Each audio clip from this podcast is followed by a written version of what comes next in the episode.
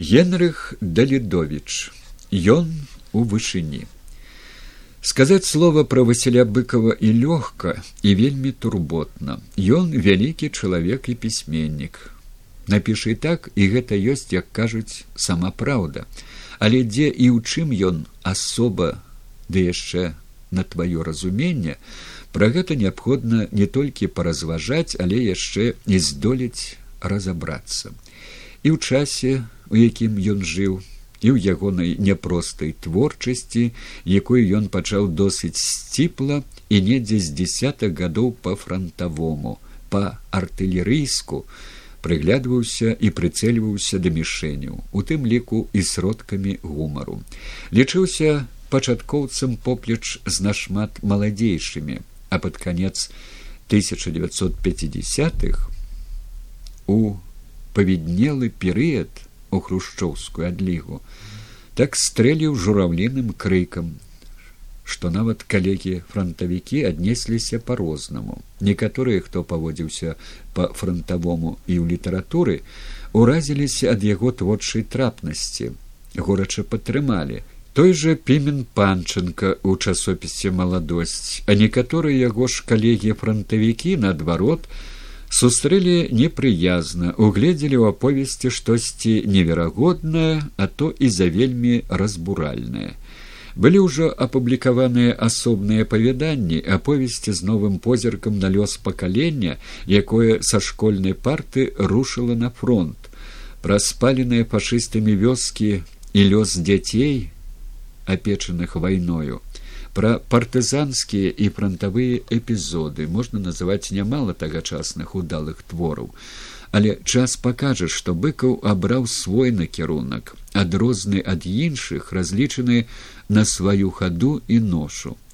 Ён не замахнуўся на панарамнасць эпапейнасць мабыць добра адчуваючы што на гэтым яшчэ блізкім як след неасэнсаваным этапе пасляваеннай рэчаіснасці талстоўскі фундаменталізм не ўдасца ён пачаў засваення пядзяў ахопленай вайною зямлі з даследаванняў на іх падзей людскіх паводзін і ўчынкаў лёсаў у асноўным трымаючы ў полі зроку салдат сяржантаў і малодшых афіцэраў тых хто ў холад і ў спякоту падтрыманы і пакінуты ухвалены і абражаны рабіў чорную ваенную работу часамі вытрымліваючы немагчымае.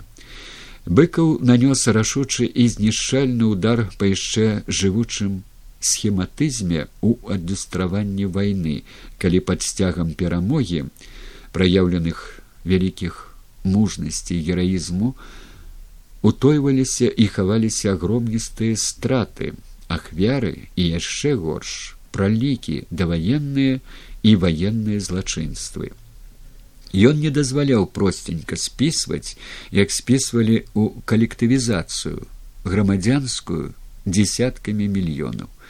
Для бальшавіцкага раю на зямлі ды не для іх шчырых сумленных зняволеных ці загінутых бо ім тут наладзілі пекла баль смерці.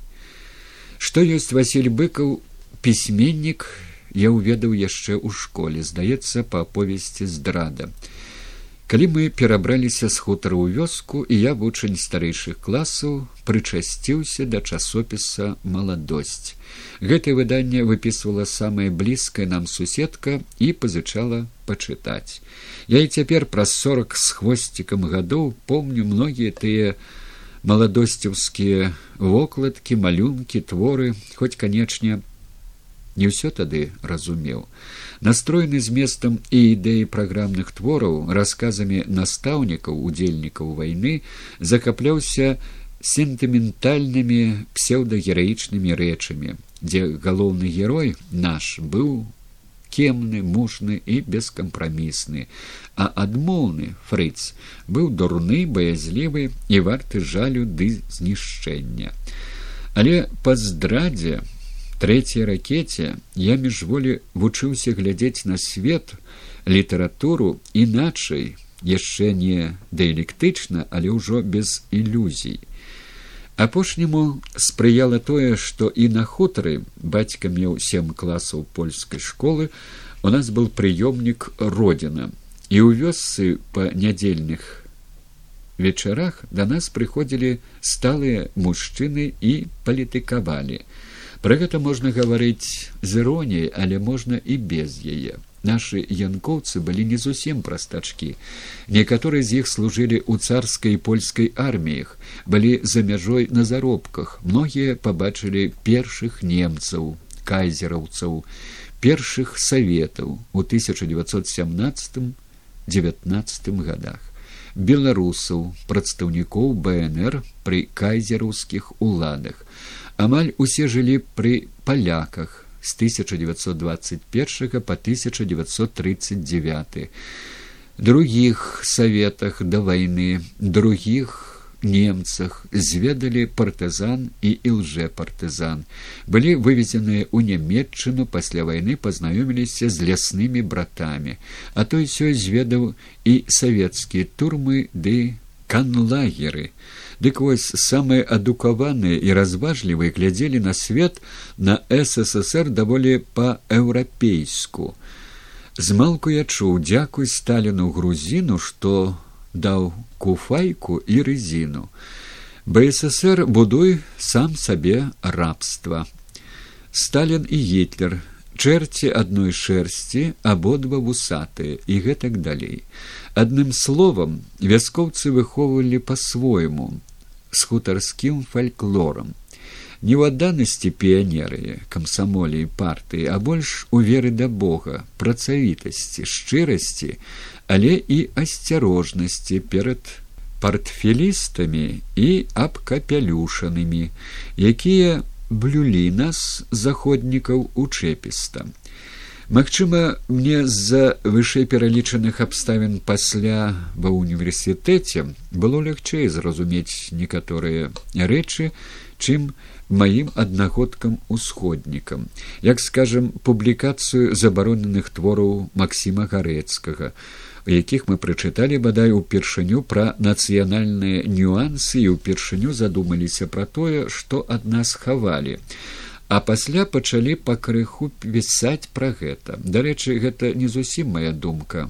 Яе неаднойчы падкрэсліваў у размовах мікола аўрамчык безумоўна найперш маючы на ўвазе янку брыля владимира дамашевича вячеслава адамчыка а з паэтаў свайго любімага максима танка Ва універсітэце я ўжо ўспрымаю быкава даволі асэнсаваным з адчуваннем яго знешняй прастаты нібыта запісаннем звычайных франтавых будняў, але на самай справе заглыбленнем у свет чалавека, з выяўленнем новых нюансаў жыцця быцця, дзеля чаго ён быкаў выяўляў выдатныя здольнасці філосафа і псіхолага пазбаўленага інстытуцкай зададзенасці і заідэалаізаванасці.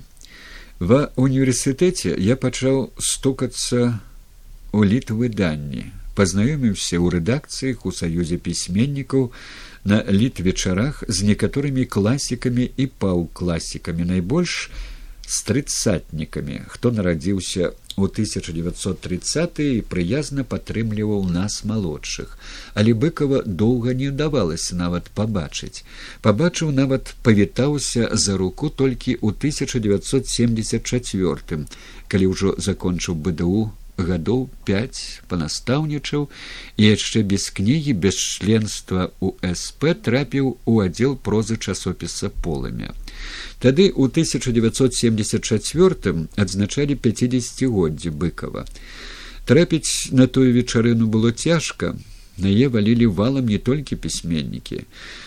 Правялі мяне свае палымянцы добра помніць смелыя часам вельмі рэзкае ў адносных да непрыяцеляў быкова словы геннадзя бураўкіна мяккі прыветны голас ивана мележа захапленне міколы аўрамчыка і іншых каго зала з-за любовы да юбіляра вітала воплескамі і авацыямі.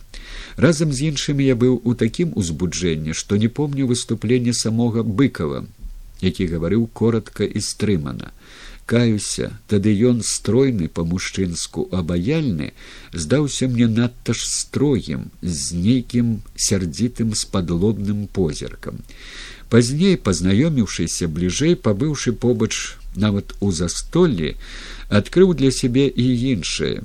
Ён як кажуць просты. Гэта значыць сціплы а то часам і сарамлівы з лагодным смешкай жартаўлівы невыпадкова ж ён у маладосці пісаў гумарэскі. У 1974 год для васіля владимировича мабыць быў не проста юбілейны а і шмат у чым вызначальным. Быкаў быў ужо аўтарам фронтавых мёртвым не балець праклятай вышыні партызанскіх круглянскага моста сотнікава. Твораў якія замацавалі яго на гераічна адваяванай вышыні ва ўсёй тагачаснай савецкай літаратуры але якія многімі былымі ваеннымі і цывільнымі кіраўнікамі ўсё яшчэ не прыймаліся за вузкую акопную праўду за безідэйнасць што на іхнюю думку прыніжала подзвіг народа і партыі ў гады вялікай айчыннай вайны. Не прыймаліся мякка сказана пастаянна абстрэльваліся А як вядома, абстрэлы са свайго боку часамі больш страшныя, чым з варожага.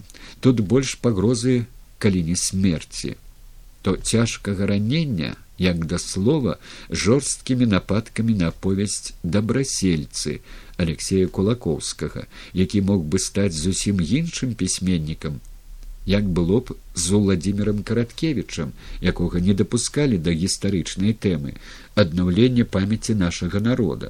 Ды да і сёння яшчэ можна пачуць шэрагаў той сталінскай кагорты. І быкавым разбуралі ссср хоць фронтавікі і партызаны добра ведаюць тое што моцнае ніякі дынаміт не бярэ. А калі папіхнуў толькі а яно рухнула. Дык у чым тады яго моц? Наўрад ці быкаў меў на мэце руйнаваць ссср. Відаць ён тады лічыў што гэта наўрад ці рэальна. Больш верагодна што ён жадаў пазбаўлення ад фальшы і маны ідэалагічнага насілля жадаў дэмакратызацыі.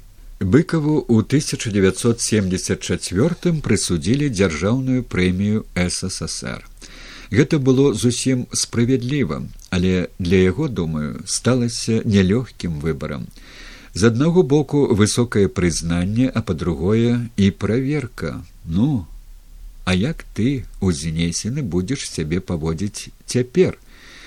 Ён не адмовіўся ад прэміі але хто можа папікнуць што ён супакоіўся усцешыўся збочыў са свайго магістральнага шляху пайшоў на хаўрус с несумленнасцю прысасавальніцтвам прыслужэннем таму што было жалезабетоннае масіўнае грувасткае але ўжо нахіленае падпертае ідэалагічнымі жардзінамі.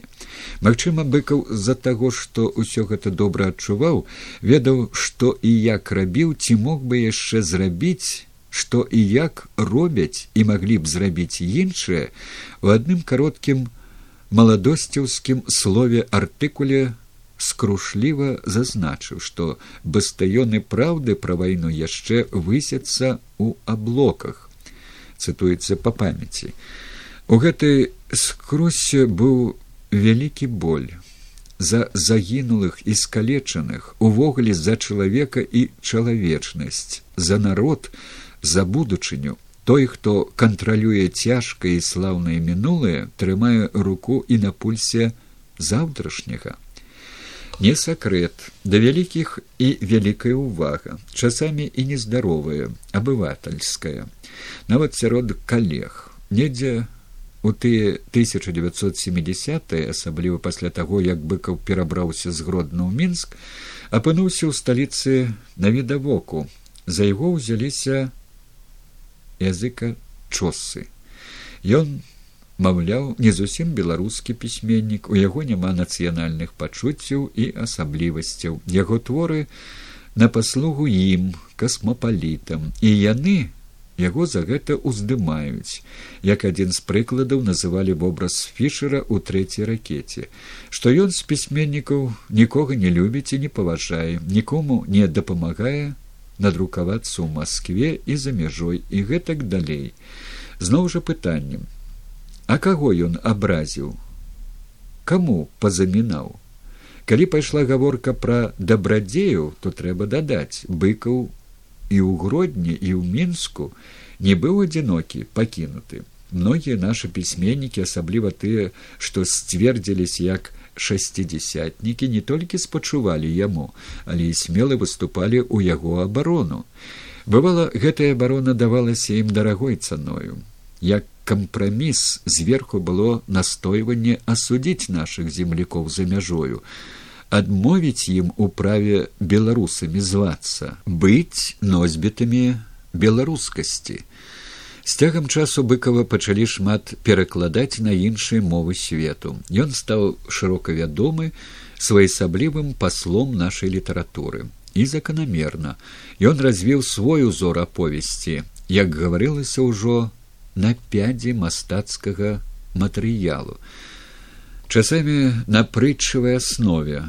По мастакоўску по прафесіі ж мастак густа накладаючы на палатно штрыхі маскі і напаўняючы змест сюжэт глыбінным філасофска псіхалагічным падтэкстам. Аповесць стала для яго мабільным і рухомым жанрам. Праўда знак бяды ужо значна шырэй абазначаных ім самім межаў аповесці што вызначалася мажліва даследчым пластом жыцця даваенны і ваенны выпрацаваў ён і сваю літаратурную мову па меры шырэйшага глыбейшага асэнсавання сялянскага жыцця. Яна пачала пазбаўляцца залішняй строгасці часам нават сухаватасці як спецыфічная мова ваенных і пачала насычвацца святлом сокам віцебскіх гаворак. Пэўны час бадай да знака бяды бытавала думка што быкаў чалавек і пісьменнік усеагульнай касмапалітычнай арыентацыі. Мабыць нейкія моманты такой ідэйна эстэтычнай мастацкай з'явы праяўляліся ў першых франтавых яго творах. Так як уласна было на фронте сярод шматнацыянальнага воінства дзе ўсе падпарадкоўваліся аднаму чырвонаармейскаму агульнарускаму савецкаму. У партызанскіх аповесцях у іншых умовах змагання з ворагам нацыянальныя беларускія рысы і характары абставіны выяўлены ўжо значна глыбей. Шмат дзе вельмі ярка што сведчыць пра пісьменніцкую шматпланавасць. А як чалавек грамадзянин патрыот сваёй бацькаўшчыны абаронца роднай мовы і культуры гісторыі руплівец нацыянальна дзяржаўнай незалежнасці ён у апошнія дзесяцігоддзя не проста паўстаў у новым абліччы а выйшаў наперад на перадавую под абстрэл і агонь. Ён не хмыхаў на прыкладзе іншых. Ад каго і ад чаго незалежнасць самастойнасць а мудра мужна падаў голас. З'явіліся новыя умовы давайте не быць нарыхтоўчай канторай давайте ладзіць мацаваць беларускую дзяржаву. Як і раней гэта адных сагрэла натхніла належна сцвердзіць свой народ у сусветнай супольнасці іншых асабліва агульнаславян прыблудных агульнаімперцаў царскай закваскі продажных савецкіх беларусаў раздражніла. І па быкаву зноў пайшлі залпы з той старой сталінскай зброі толькі ўжо з новай маладой але вышкаленай у адпаведных савецкіх розных школах антыбеларускай абслугаю. Тое што вярзлося па тэлебачанні і радыё пісалася ў некаторых дзяржаўных выданнях у тым ліку і тымі хто мае членскія білеты саюза пісьменнікаў было непрыстойна нізкімі выпадамі непавагі да сівога чалавека фронтавіка пісьменніка сусветнага ўзроўню. Оці тыя гнёснікі цяпер на адноўленых ідэалагічных пасадах верхаводзяць пажаднымі да лёгкага хлеба падносчыкамі хлусні абраз і абвінавачванняў.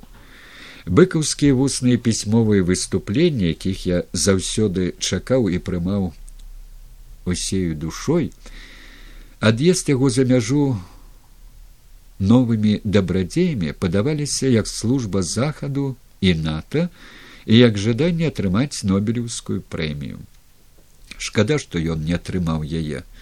Нобелеўская прэмія была патрэбна не столькі яму як чалавеку майстру прозы колькі нашай літаратуры і беларускай мове што сцвердзіла і сцвярджае нас.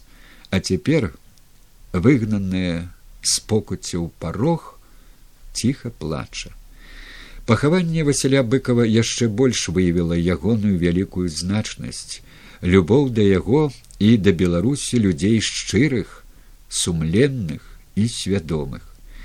Ён з намі толькі мы тут на нашай роднай шматпакутнай зямлі а ён там у вышыні дасяжнай толькі для такіх як ён. А на заканчэнне хачу успомніць пра цёплы ліст василя владимировича у знамянальным 1974 годзе. Гэта быў водгук на маю першую кнігу прозы. Ён благословіў мяне зусім маладога на служэнне роднаму слову бацькаўшчыне. Я стараюся выконваць быкаўскі запавет. Город мінск